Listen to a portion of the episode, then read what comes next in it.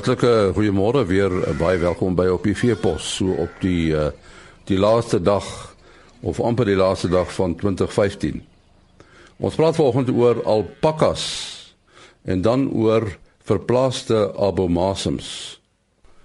Ons uh, gesels nou met uh, Jan Gous, hy's 'n alpaka boer hier in die buitewyke van Gauteng en ons gaan met hom praat oor 'n bewusmakingsveldtog uh by wyse van 'n nasionale alpaka dag. Voordat ons uh, praat oor hierdie veldtog, wat presies is 'n alpaka? Goeiemôre Annie en alle luisteraars. Man, alpaka is 'n hy familie van die kamele. Hulle is afkomstig daar uit Suid-Amerika uit die Andes gebergte uit. En die net om vir jou idee te gee, is is een van vier lede van 'n familie van kamele. Eerstens kry hy die wilde vicuñas is maar eintlik 'n bedreigde spesies op hierdie stadium. Hy is redelik bekend wêreldwyd vir vir die fyn baie fyn vesel op 'n wol, maar van die fynste wol wat hy ou kry. Dan kry jy guanacos, dis 'n tweede tipe kameel. Dan kry jy alpaka en dan kry jy 'n lama. En baie mense is redelik bewus van wat is 'n lama. Ehm um, dan besê 90% van mense wat by ons op die plaas kom, sê se eerste woorde is lamas. Ons sien ons hulle maar, ons is maar reg al gewoonlik. Nee, dit is alpakas.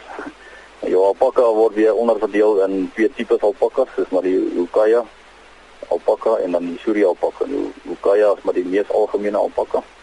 Hy is omtrent 90% van jou alpaka populasie wêreldwyd bestaan maar uit Ukaya. En dan die Suri alpaka hy is omtrent so 10%. En die verskil tussen die twee alpaka uh, families, uh, die Ukaya lyk like amper soos soos 'n skaap se wol of sy wol lyk maar baie soos soortgelyk aan die van 'n skaap. Ek gaan 'n bietjie later glo gaan ons by 'n vraagie uitkom wat die verskil tussen skaapwol en alpaka wol.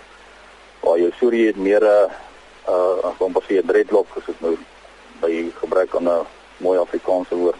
Dit is nou meer 'n dreadlock wat die alpaka het. So wat is die verskil tussen uh, alpaka en en skaapwol? Man, ehm um, en nie die groot verskil tussen die twee ehm um, is 'n middel in die naam van lanolin.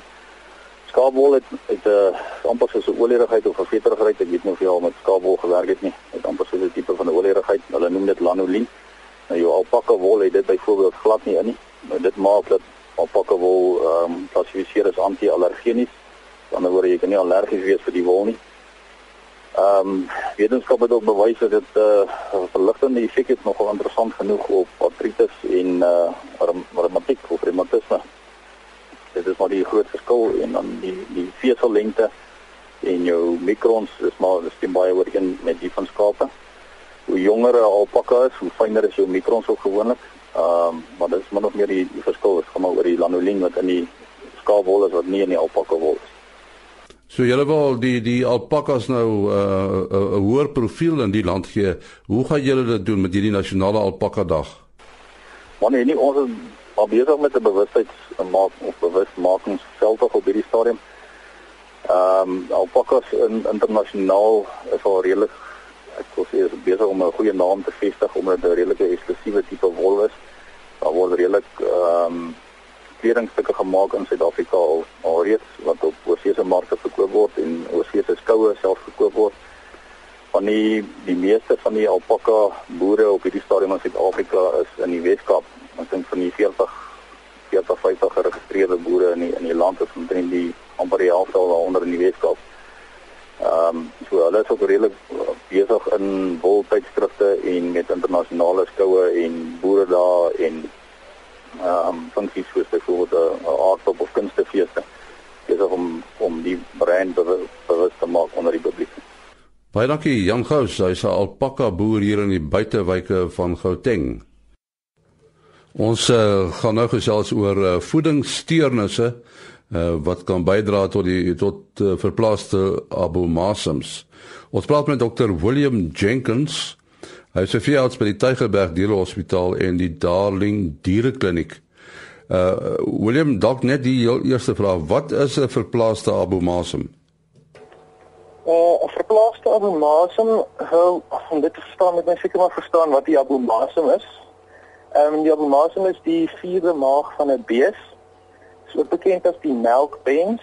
Ehm um, Dis die maag wat anatomies en fisiologies die naaste aan die is van die mens of die karnivoor, um, en dat dit 'n klierryke orgaan is. Um, dit laat um, laat soutgering tot spesifieke vry wat um, met die hoofdoel om aan chemiese vertering van um, kos veral proteïen te um, doen teenoor die ander drie maade wat um, meer fisiese vertering en fermentasie um, te doen het. Ehm um, so die ver, verplasing van die abomasum is soos die naam sou aandui, ehm, 'n um, fisiese verpassing van die die melkpens van sy normale posisie waar hy so effens regs van die middellyn in die buikholte lê na links tussen die linker buikwand en dan die rumen of grootpens. En dit gebeur meestal in so in die eerste maand van laktasie. Ons sien die meeste gevalle tussen 8 en 10 dae in melk. Nou jy jy sê jy sien dit uh, is daar uitwendige tekens uh van die toestand. Ja, um, ons is vandag baie gelukkig in ons moderne melkstalle het ons baie goeie rekenaarprogramme. Ons tel die baie vinnig op. Um, ons sien gewoonlik uh, 'n uh, skielike drastiese um toename in melkproduksie van kom ons sê 40 liter 'n dag na tussen 2 en 15 liter en party van ons programme kan ook vir ons wys waar skielik vermindering in herkansing is. En dan um, op kliniese oorsig van die dier vind ons meestal 'n droë mis, maar partykeer slap en dan um, kan ons met ultraklank of met stetoskoop die posisie van abomasum vasstel. Dit sit gewoonlik dan so ehm um, waar ek nou verduidelik het so tussen die linker ehm um, band van die buik en die rumen. Mens luister vir 'n diagnostiese ping geluid waar die gasgevulde maag nou sit. En en hoe dra die voeding en stresverwante toestand by tot hierdie hierdie toestand? Ehm um, om dit om die hele kondisie te kan verstaan, moet mens die moderne ehm um, melkkoe ook ehm um, kan verstaan. Ehm um, dit is 'n ehm um, mens moet onthou hierdie koeie is groot ehm um, diere, gewoonlik op volvoer um, en letterlik melkfabrieke onder geweldige fisiologiese um, druk om die hulle genetie, genetiese potensiaal vir melkproduksie te kan behaal. Dis ook ehm um, hulle het die diep buike en dan 'n rumen wat kleiner is um, teenoor hulle liggaamsmassa. So kort voor en na kalwing gaan die koe deur 'n baie stresvolle periode wat ehm um, sy begin melk produseer, um, haar voedingsvereistes verander re relatief drasties en skielik. Sy eet eet ook minder en dan kalf sy. So daar's nou skielik 'n heelwat ehm um, heelwat meer plek in die buikholte en dis wel meer plek vir die abomasum om nou rond te beweeg. Dan het ons ou enige stresverwante kondisie wat nou kon ehm um, wat sy nou ophou eet of net omdat sy nou gekalf het ophou eet, kry ons ehm, um, 'n toename in bloedkalsium, kalium en kloor die is baie belangrik vir melk uh, vir melkproduksie en vir spierkontraksie. So mense kry minder ehm um, die rumen en die darmes en die abomasum se peristalse verminder. Met dit word die abomasum nou vol gas en met meer plek in die buikholte spring hy na links.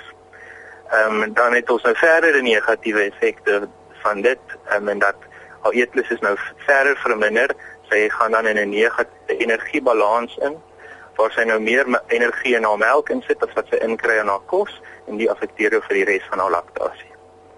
En as jy mens nou hierdie toestand diagnoseer, hoe behandel 'n mens dit? Ons het twee of tot dusver daar nou twee populêre metodes om dit reg te stel. En die eerste um, is wat ons tot dusver redelik nie baie gedoen het. Um, ons maak 'n snit in die bees se linker sy en so hy gewoonlik in haar regter agterkwart die ons um, stel dan die posisie van die albumasum vas waar hy nou lê. Daar word twee groot steke deur die wand van die albumasum gemaak en hy word dan stadig afgedruk tot waar hy op sy normale posisie lê.